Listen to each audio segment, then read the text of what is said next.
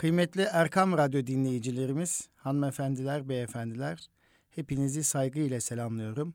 Allah'ın rahmeti, bereketi hepimizin üzerine olsun inşallah. İstanbul Gönüllü Eğitimciler Derneği'nin katkılarıyla hazırlanan Eğitim Dünyası programında geçtiğimiz haftalarda okuduğumuz O Nasıl Öğretirdi yani Resulullah sallallahu aleyhi ve sellem nasıl öğretirdi Osman Nuri Topbaş Hoca Efendi'nin kitabından okumaya başlamıştık. Ve o kitapta kaldığımız yerden devam edeceğiz. Lakin geçtiğimiz haftalarda okuduğumuz bölümle ilgili sizlere kısa bir hatırlatma yaptıktan sonra da kaldığımız yerden devam edeceğiz kıymetli dostlar. Hepimiz biliyoruz ki Efendimizin hayatı incelendiğinde onun ümmetinin talim, terbiye ve tezkiyesinden bazı usulleri takip ettiğini görmekteyiz. Misallerden yola çıkılarak elde edilen bu eğitim öğretim usulleri her hususta olduğu gibi eğitim yolunda da Efendimiz'e ittiba etmeyi arzu eden müminler için, öğretmenler için, aileler için rehber vasfındadır. İşte bugün bu e, Resulullah sallallahu aleyhi ve sellem nasıl öğretirdi kitabından kaldığımız yerden devam etmeden önce geçtiğimiz haftalarda şunları öğrenmiştik. Onları kısaca sizinle sizinle paylaşmak ve onları hatırlatmak istiyorum kıymetli dostlar. Birincisi Resul birincisi tedricilik ilkesiydi. Yani tedricilik birden değil basamak basamak, derece derece yol almak demekti tedricilik. Bu çerçevede Resulullah sallallahu aleyhi ve sellem muhatabına karşı, öğrencilerine karşı, ashabına karşı e, birden değil basamak basamak, derece derece yol alarak yaklaşırdı. Onu paylaşmıştık. İkincisi muhatabı iyi tanımak, İnsan yetiştirme sanatı demiştik eğitim. İnsan ise Cenab-ı Hakk'ın her birinde farklı tecellilerini gösterdiği bir sanat eseridir. Her insan parmak izleri gibi farklıdır. Bu sebeple eğitimde muhatabın en iyi şekilde tanınması elzemdir diye de ifade edilmişti. Bu muhatabı iyi tanıma noktasında da şahsi farklılıkları gözetmek, günümüzde buna biz bireysel farklılıkları dikkate almak diyoruz. Ve orada şu cümleyi söylemiştik problemini çözdüğünüz insan sizindir. Her halükarda eğitimci şu hakikati düstur edinmelidir dedik. Yani o hakikatte şuydu problemini çözdüğünüz insan sizindir. İnsanların problemlerini çözebilmek ise onları iyi tanımaktan geçmelidir.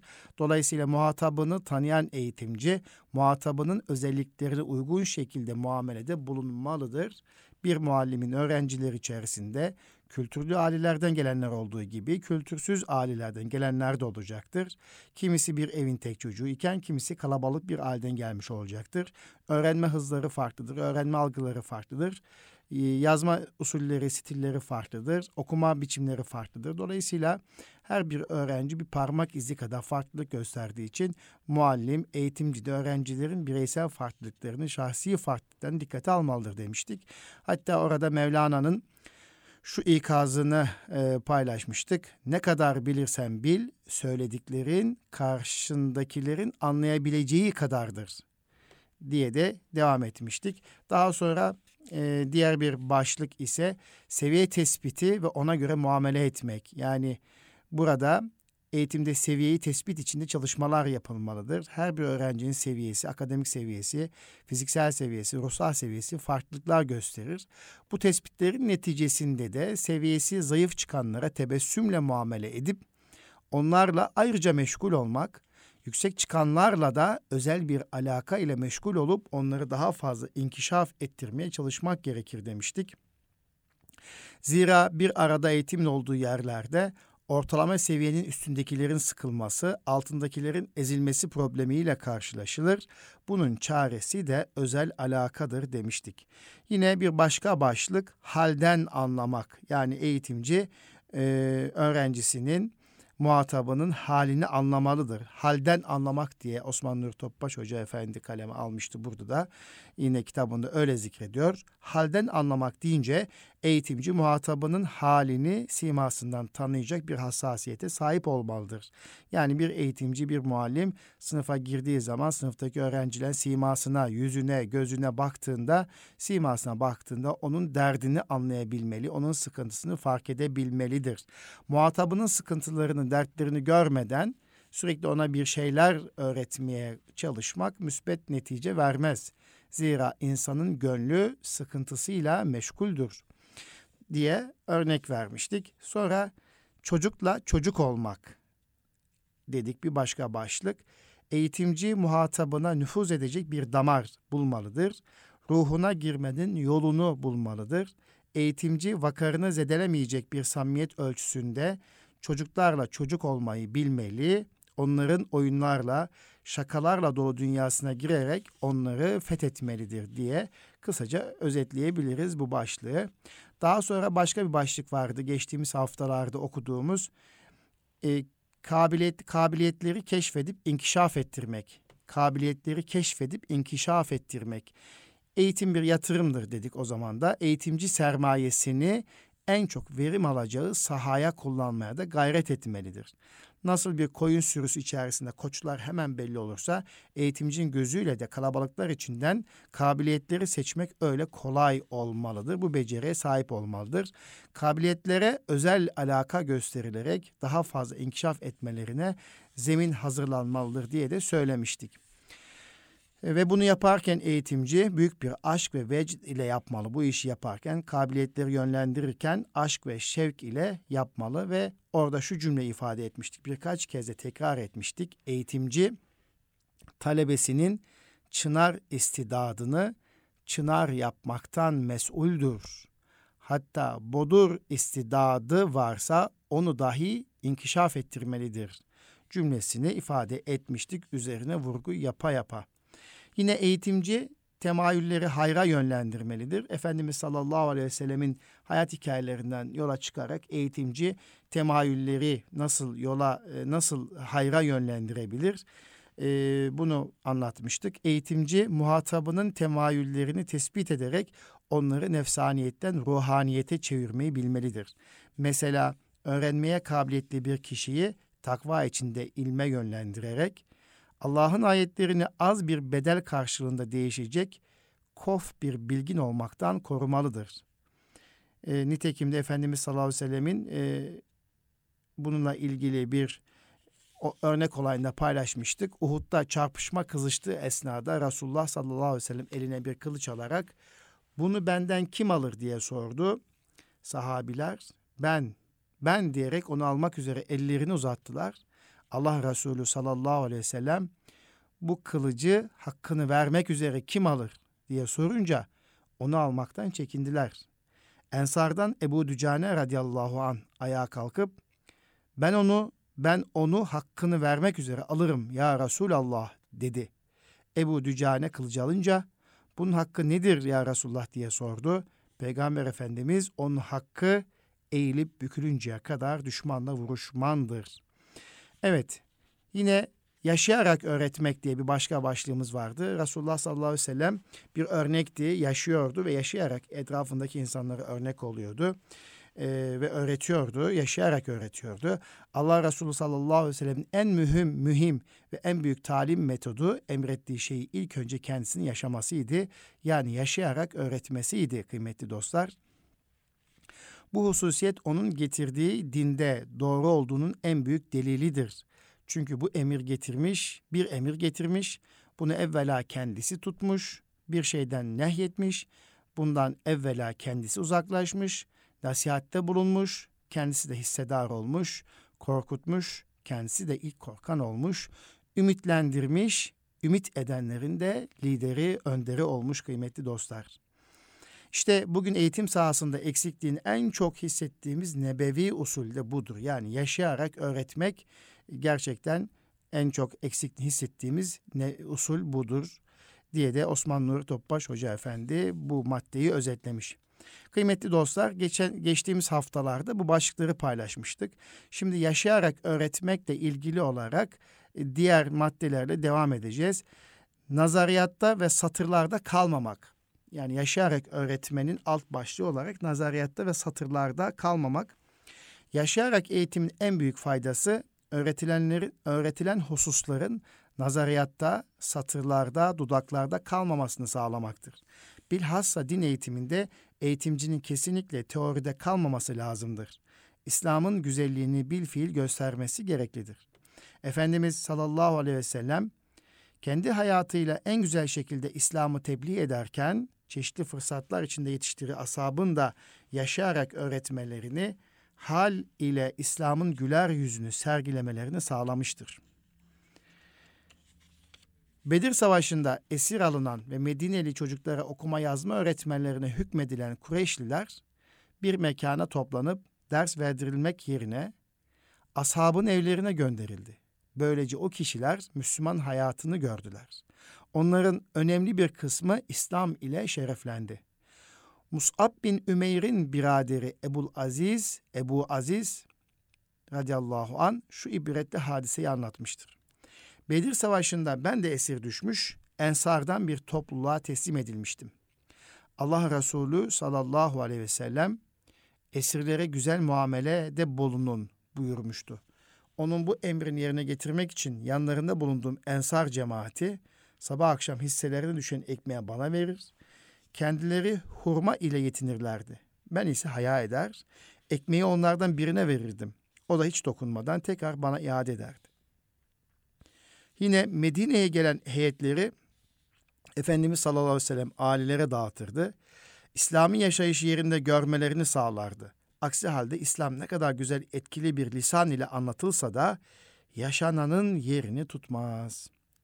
Hazreti Enes'in bildirdiğine göre Resulullah sallallahu aleyhi ve sellem muhacirlerin ve ensarın namaz erkanını kendisinden yakinen görüp öğrenebilmeleri için hemen peşinde namaza durmalarını isterdi.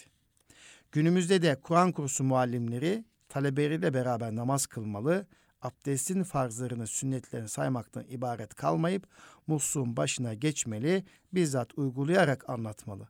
Asıl zihinde kalacak eğitimde, tesirli olacak öğretimde budur. Yani ister Kur'an kursu öğretmeni olsun, isterse öğretmen olsun, hayata ait her bilgiyi öğrenciye yaşatmalı. Hem kendisi yaşamalı hem de yaşatacak, uygulayacak imkanlar, fırsatlar vermeli kıymetli dostlar.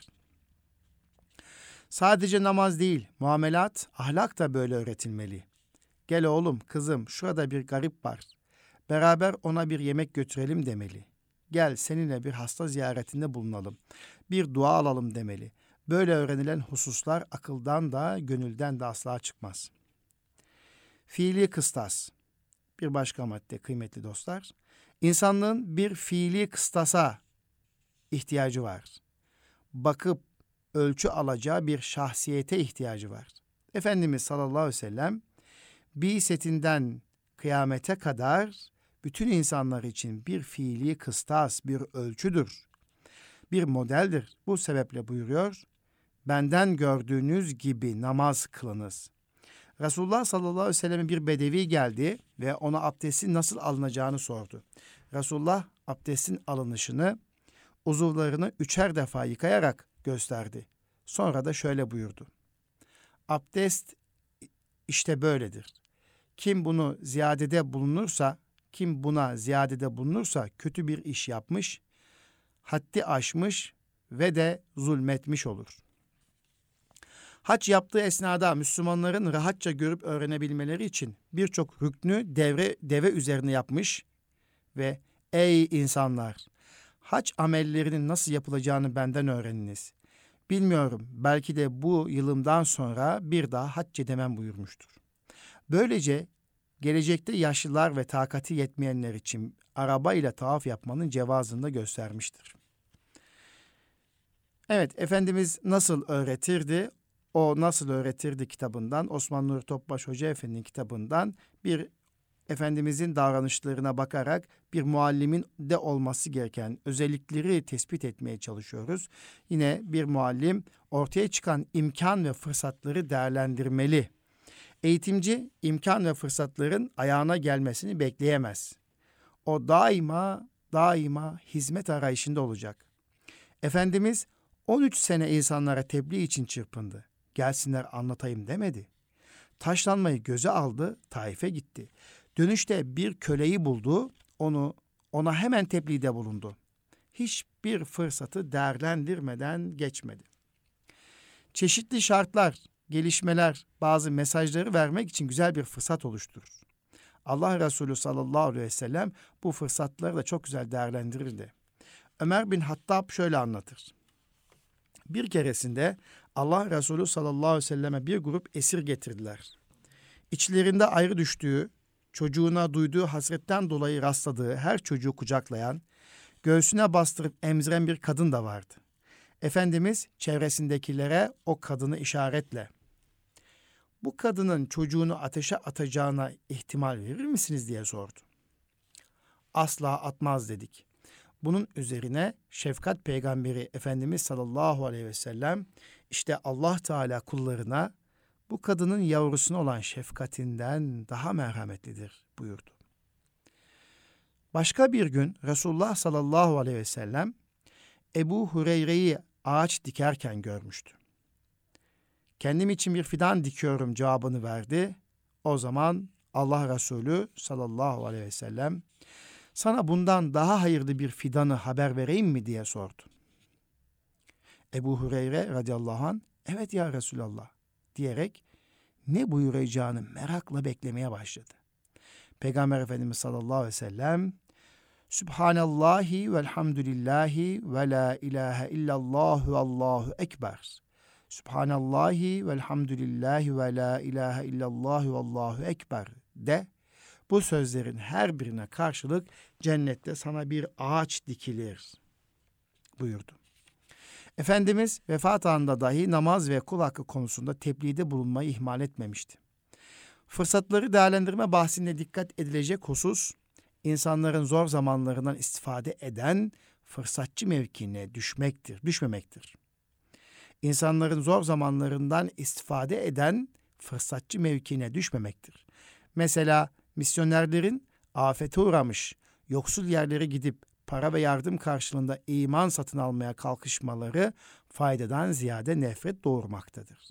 Müslüman zor durumda olana tabii bir şekilde merhamet kanadını serer. Bunu bir rüşvet haline getirmez. Anlayan içinde için bu da yaşayarak Müslümanlığın şefkat ufkunu göstermektir. Ama bunu pazarlığa dökmek, minnet altına almak yakışıksız bir tavır olur. Evet kıymetli Erkam Radyo dinleyicilerimiz bir muallimde olması gereken bir başka özellik batıla karşı tavizsizlik. Resulullah sallallahu aleyhi ve sellem son derece affedici, şefkatli, mülayim ve müsamahakar idi. Müsamahakar idi. Fakat bu mülayemetin, bu yumuşaklığın itikat, ibadet ve haramlarla ilgili konularda bir tavize, bir gevşekliğe mahal vermesine asla müsaade etmezdi hakkın hatırını âli tutardı. Taif'te oturan Sakif kabilesi temsilcileri Peygamberimiz ile kendi aralarında gerçekleşen anlaşmayla ilgili barış ve yazı işleri tamamlandığı zaman orada bulunan Lat putunun üç sene müddetle yıkılmayıp bırakılması Efendimiz'den talep ettiler. Peygamberimizin onların geciktirme taleplerini hiçbirini kabul etmedi batıl karşısında sessiz kalmamak. Efendimizin sükutu dahi dini bir hüküm ifade eder. Çünkü Efendimizin bir yanlışı gördüğü halde müdahil olmaması mümkün değildir. İkrar, Hazreti Peygamber'in huzurunda söylenen bir sözü veya yapılan bir fiili, bir hareketi veyahut gıyabında söylenen ve yapılan söz ve hareketleri işittikten sonra onları reddetmeksizin sükut etmesidir. Bu sükut, söylenen sözlerin yapılan işlerin mübah ve caiz olduğunu gösterir. Çünkü bir peygamberin batıl ve İslam'ın kabul etmediği bir davranış karşısında sessiz kalması düşünülemez. Buna takriri sünnet adı verilir. Bu mevzuya Resulullah sallallahu aleyhi ve sellem buluğ çağına yaklaşmış çocukların mescitte kısa mızraklarla oyun oynamalarına ses çıkarmaması misal verilebilir. Aynı şekilde Hazreti Peygamber'in su bulunmadığı için teyemmümle namaz kılıp namazını eda ettikten sonra su bulunduğu halde namazını iade etmeyen kimsenin bu hareketine ses çıkarmaması da misal verilebilir. Peygamberin bu hareketler karşısında ses çıkarmaması onları tasvip ettiği anlamına gelmektedir. Eğitim erbabı da bilhassa eğitimiyle meşgul oldukları kişilerle alakalı olarak gördükleri yanlışlara müdahale etmelidirler. Çünkü Ebu Ali El-Dakkak Hazretleri şöyle buyurmuştur. Hakkı söyleme mevkiinde olup da susan dilsiz şeytan gibidir. Fakat yanlışı ifade etmenin üslubunu, ölçüsünü, hudutlarını da iyi bilmek lazımdır. Kırıcı ve yıkıcı olmamaya dikkat edilmelidir. Çok ciddi mevzularda hak için gazaplanmak. Efendimiz sallallahu aleyhi ve sellem hayatta kendisi için gayet sakindi. Kendisine ait bir hak gasp edildiğinde daima af halindeydi. Fakat umuma ait bir hak gasp edildiği zaman alnında bir damar belirir ve o hakkı teslim edinceye kadar o gazap hali devam ederdi. Ümmeti adına iman gibi, haramlardan kaçınmak gibi mevzularda bir yanlışa muttali olunca meselenin vahametini göstermek için gazap ile ikaz ettiği olurdu. Ancak onun paylaması ve kızması da merhametle ve ümmetinin selameti için olurdu. Ebu Hureyre radıyallahu anh anlatıyor. Biz kader hususunda münakaşa ederken Resulullah sallallahu aleyhi ve sellem çıka geldi. Öylesine kızdı ki öfkenin hasıl ettiği kızıllıktan yüzünde sanki nar taneleri ortaya çıkmıştı. Bize şöyle çıkıştı. Bununla mı emredildiniz? Yoksa ben size bunun için mi gönderildim? Bilin ki sizden öncekileri dini meselelerdeki münakaşalarının çokluğu ve peygamberleri hakkında düştükleri ihtilafları helak etmiştir. Peygamber Efendimizin bu kızgınlığı ashabını büyük bir tehlikeden muhafaza etmek içindi. Eğitimciler de umumi bir şekilde tebessüm halini yansıtmaya dikkat etmek şartıyla ortaya çıkabilecek ciddi mevzuların vehametini göstermek adına asla kabalık ve şiddete varmayacak şekilde nefsi ve benliği de işin içine hiçbir şekilde katmadan tavırlarını öfkeli bir şekilde gösterme usulünü zaman zaman kullanmalıdır. Derhal ve fiilen müdahale. Allah Resulü bir devlet başkanı olarak putların kırılması, İslam'ın aleyhine çalışan kabilelere seriyeler göndermesi gibi mühim fiili müdahalelerde bulunmuştur. Bunun yanında ashabını terbiyesinde de onun sadece sözlü ikaza yetinmeyip bizzat müdahale yolunu tuttuğu olmuştu. Allah Resulü sallallahu aleyhi ve sellem'e bir topluluk geldi. Aralarından bir adamı Abdülhacer yani taşın kulu diye çağırdıklarını duydu. O adama ismini sordu. Abdülhacer deyince hayır sen Abdullah'sın buyurdu. İbn Abbas radıyallahu anh anlattığına göre Resulullah sallallahu aleyhi ve sellem bir adamın elinde altından yapılmış bir yüzük gördü. Onu derhal çıkarıp attı ve biriniz tutup ateşten bir parçayı alarak eline takıyor. Biriniz tutup ateşten bir parçayı alarak eline takıyor buyurdu. Resulullah Efendimiz gidince adama yüzüğünü al, ondan faydalan dediler. O, hayır, vallahi ebediyen almayacağım. Onu Resulullah attı dedi. Baba ile evlat arasında da fiilen ve derhal müdahale tabidir. Çünkü babalar evlatların yetişmesi hususunda birinci derecede sorumluluğa sahiptir. Öğretmen öğrenci münasebetlerinde ise fiilen müdahale edilebilecek derecede samimiyet, teslimiyet ve ittiba sağlanmamışsa sözlü ikaz yetinmek daha doğru olacaktır. Burası çok önemli kıymetli Erkam Radyo dinleyicilerimiz. Öğretmen, öğrenci münasebetlerinde ise fiilen müdahale edilebilecek derecede samimiyet, teslimiyet ve ittiba sağlanmamışsa sözlü ikaz ile yetinmek daha doğru olacaktır. Batılı kaldırmaya öncelik vermek. İslam'ın ilahi ahkamı vaaz etme usulünde önce batılı temizlemek, sonra hakkı ikame etmek vardır. Kelime-i tevhidin manası da böyledir. Kıymetli Erkam Radyo dinleyicilerimiz, hanımefendiler, beyefendiler, o nasıl öğretirdi? Resulullah sallallahu aleyhi ve sellem nasıl öğretirdi? Osman Nuri Topbaş Hoca Efendi'nin kitabından bir muallimde, bir öğretmende olması gereken özellikleri sıralamaya çalışıyoruz. Resulullah'ın hayatına bakarak bir öğretmende, bir muallimde olması gereken özellikleri sıralamaya çalışıyoruz. Ve e, burada da şu maddeye geldik. Resulullah sallallahu aleyhi ve sellem batıla karşı tavizsizdi. Batıla karşı tavizsiz olurdu. Batılı karşısında sessiz kalmazdı ve bununla ilgili derhal ve fiilen olumsuzluklara müdahale ederdi ve batılı kaldırmaya öncelik verirdi hususunda yine kaldığımız yerden devam ediyoruz. İslam'ın ilahi ahkamı vaaz etme usulünde önce batılı temizlemek, sonra hakkı ikame etmek vardır. Kelime-i tevhidin manası da böyledir. La ilahe kalpten batıllar çıkacak.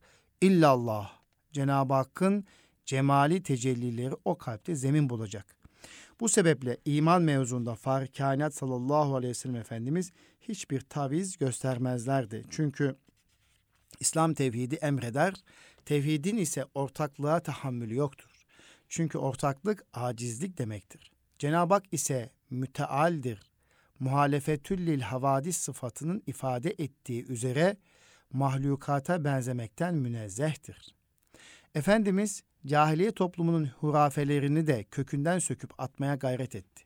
Mesela Hz. Peygamber sallallahu aleyhi ve sellem Efendimizin oğlu Hazreti İbrahim vefat ettiği gün güneş tutulmasının gerçekleştiği bir gündü. Ashabtan bazıları Hz. Peygamber sallallahu aleyhi ve sellemin oğlu Hz. İbrahim vefat ettiği için güneş tutuldu dediler. Hz. Peygamber sallallahu aleyhi ve sellem ashabın bu tespitlerini tasvip etmeyerek güneş de ay da bir kimsenin ölümü veya doğumu ile tutulmaz. Onlar Allah'ın varlığını gösteren ayetlerdendir buyurdular. Resulullah sallallahu aleyhi ve sellemin tahsiye ettiği yanlış inançlardan biri de gaybın bazı kimseler tarafından bilinebileceği inancıdır. Hazreti Ayşe validemiz şöyle der. Bazı insanlar Resulullah sallallahu aleyhi ve sellem Efendimiz'e kahinlerin kehanetleri hakkında soru sordular.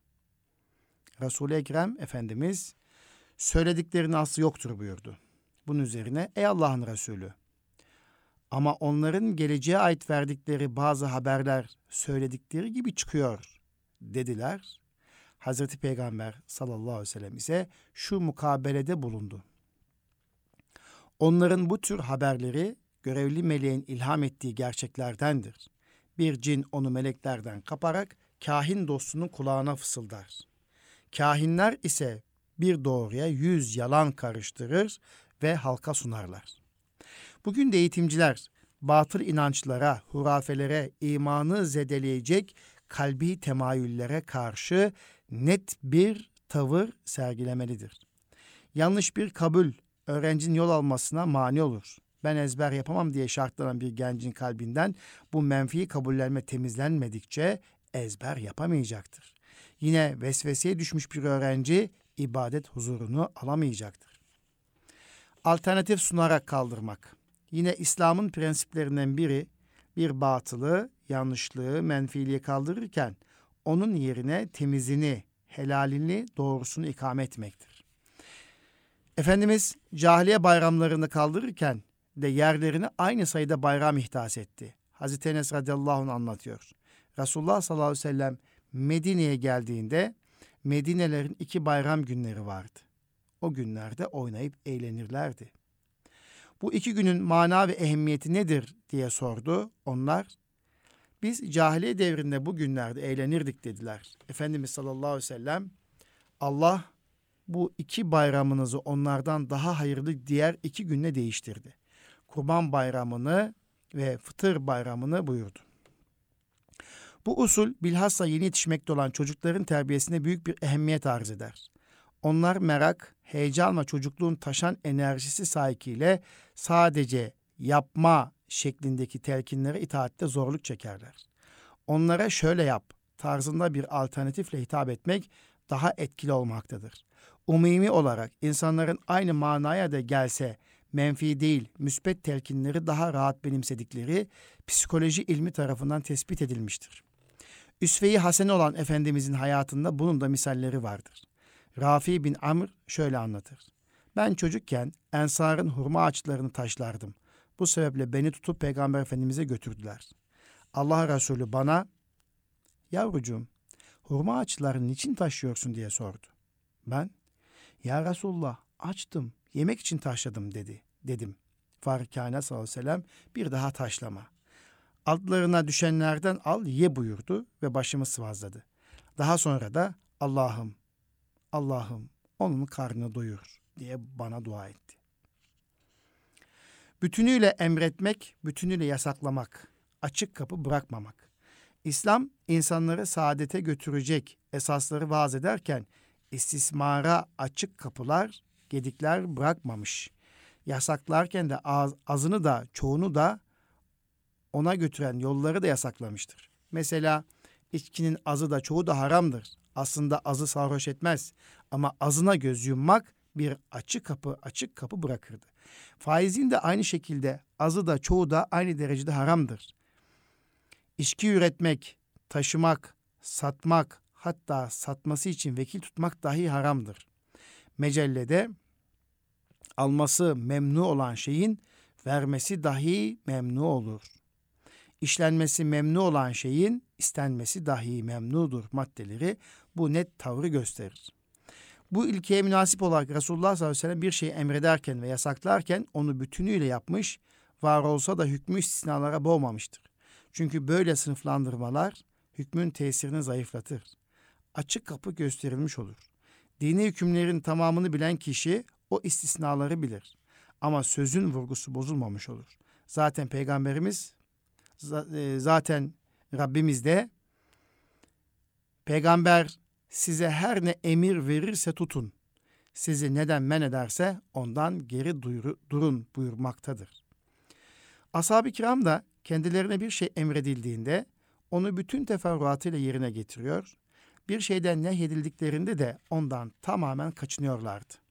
Onların bu emir ve yasağı sınıflandırmak, taksimatını tetkik etmek, hangisini yapmak zorundayız, hangisini yapmasak da olur gibi bir dertleri yoktu. Bu sebeple Allah Resulü bir şeyi emrederken insanların bunu tamamen yerine getirmesi ve Allah'ın rızasını kazanmaları için mutlak ve sade ifadeler kullanırdı. Mesela kim namazı terk ederse küfre girer buyurmuştur. Mesela kim namazı terk ederse kafirlerin yaptığı bir şey yapmış olur. Kim namazı helal görerek terk ederse küfre girer. Kim namazı terk ederse küfre yaklaşır dememiştir. Böyle bir ifade kullanmış olsaydı namazı terk etmekten son derece sakındırma maksadı gerçekleşmezdi. Velhasıl Resulullah sallallahu aleyhi ve sellem biz ümmetine bir şey emrettiğinde mümkün olabildiğince, güç yettiğince onun bütün kısımlarıyla yerine getirilmesini, geri hiçbir şey bırakılmaması ister gibidir. Nehyettikleri şeyler de bunun gibidir. Bu sebeple beyat alırken gücünüz yettiğince buyururdu. Diğer yandan bu ve benzeri ifadelerden yola çıkıp tekfir yoluna gitmek de de doğru değildir. Eğitimciler bu usulü özellikle fıkıh öğretiminde dikkate almalıdır.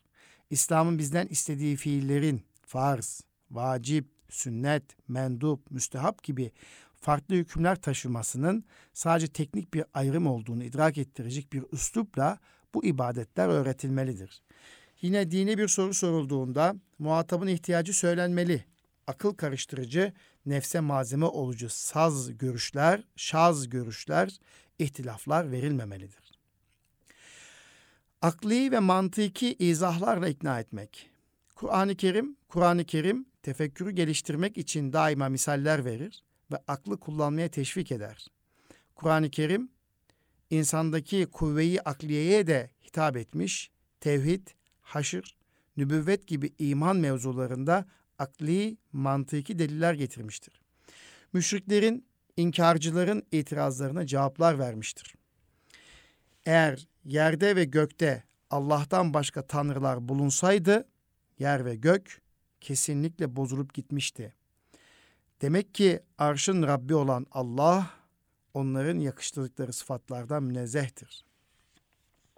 Peygamber Efendimiz sallallahu aleyhi ve sellem de mantıki izahlarla insanlara dini hakikatleri anlatmıştır.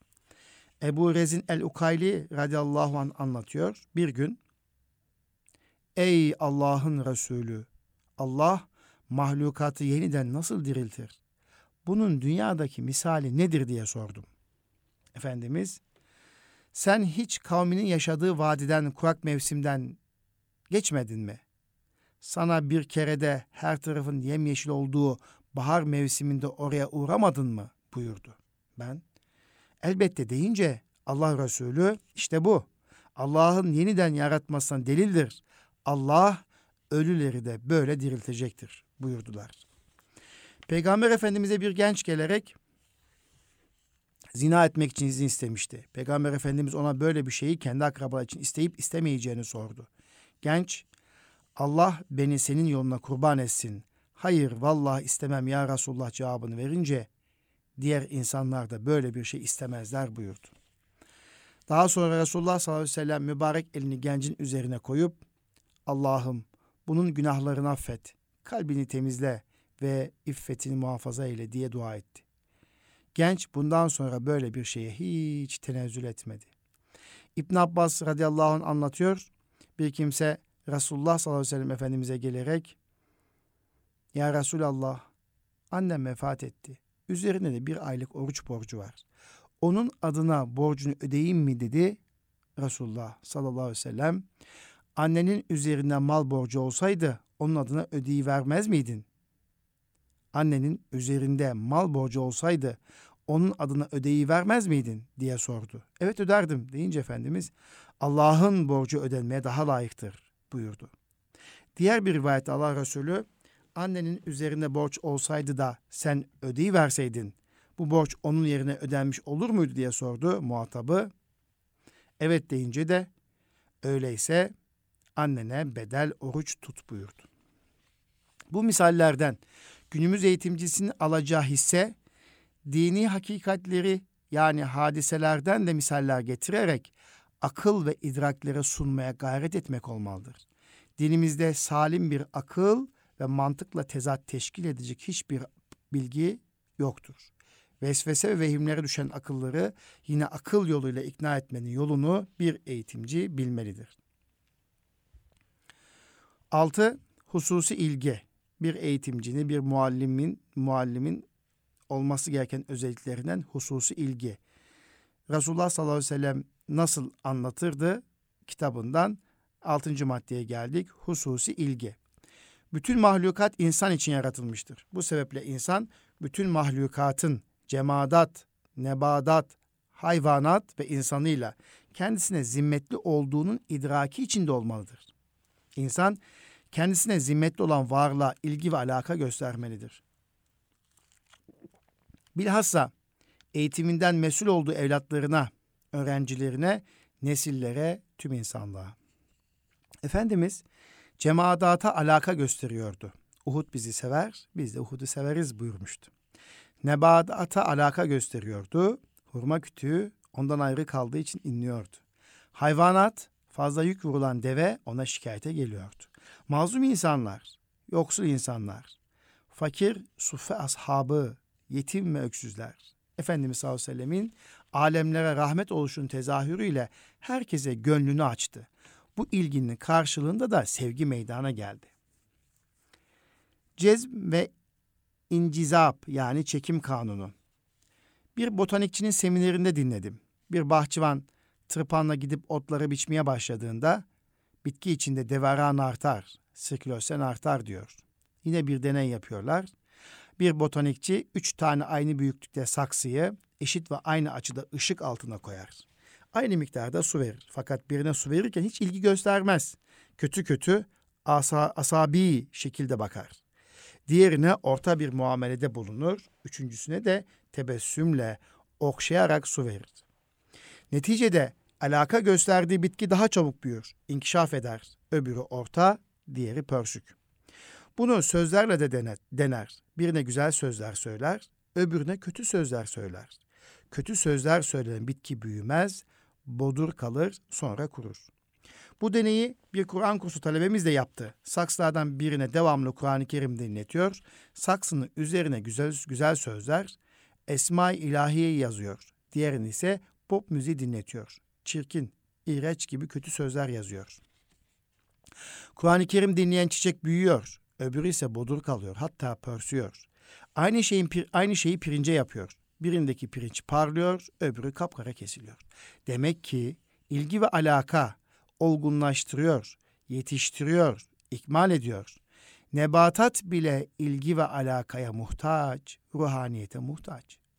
Bu sebeple bir öğretmende, bir muallimede, bir muallimde ilgi ve alaka olursa ve bu ilgi ve alaka muhataptan makes bulursa o zaman talebe eğitimcinin fotokopisi haline gelir. Tabii bunun için samimiyet, takva, ihlas ve gayret gerekir. Meşakkatlere sabır gerekir. Problemlerden yılmamak gerekir. Peygamber Efendimiz sallallahu aleyhi ve sellem bir defasında ashabına şu bir gerçek ki ben sizin babanız mesabesindeyim. Sizi terbiye ve teskiye eder, ihtiyaç duyduğunuz bilgileri öğretirim buyurmuştur. Eğitimci bütün işi yoklama defterine imza, imza atmak yahut iş yerine girerken kart basmaktan ibaret bir memur gibi olursa hiçbir fayda sağlamaz. Öğretmen ile öğrenci arasında kuru bir beraberlik değil, sımsıcak bir alaka tesis edilmelidir. Din muhabbetle yaşanır. Muhabbeti de zinde tutacak ülfet ve alakadır.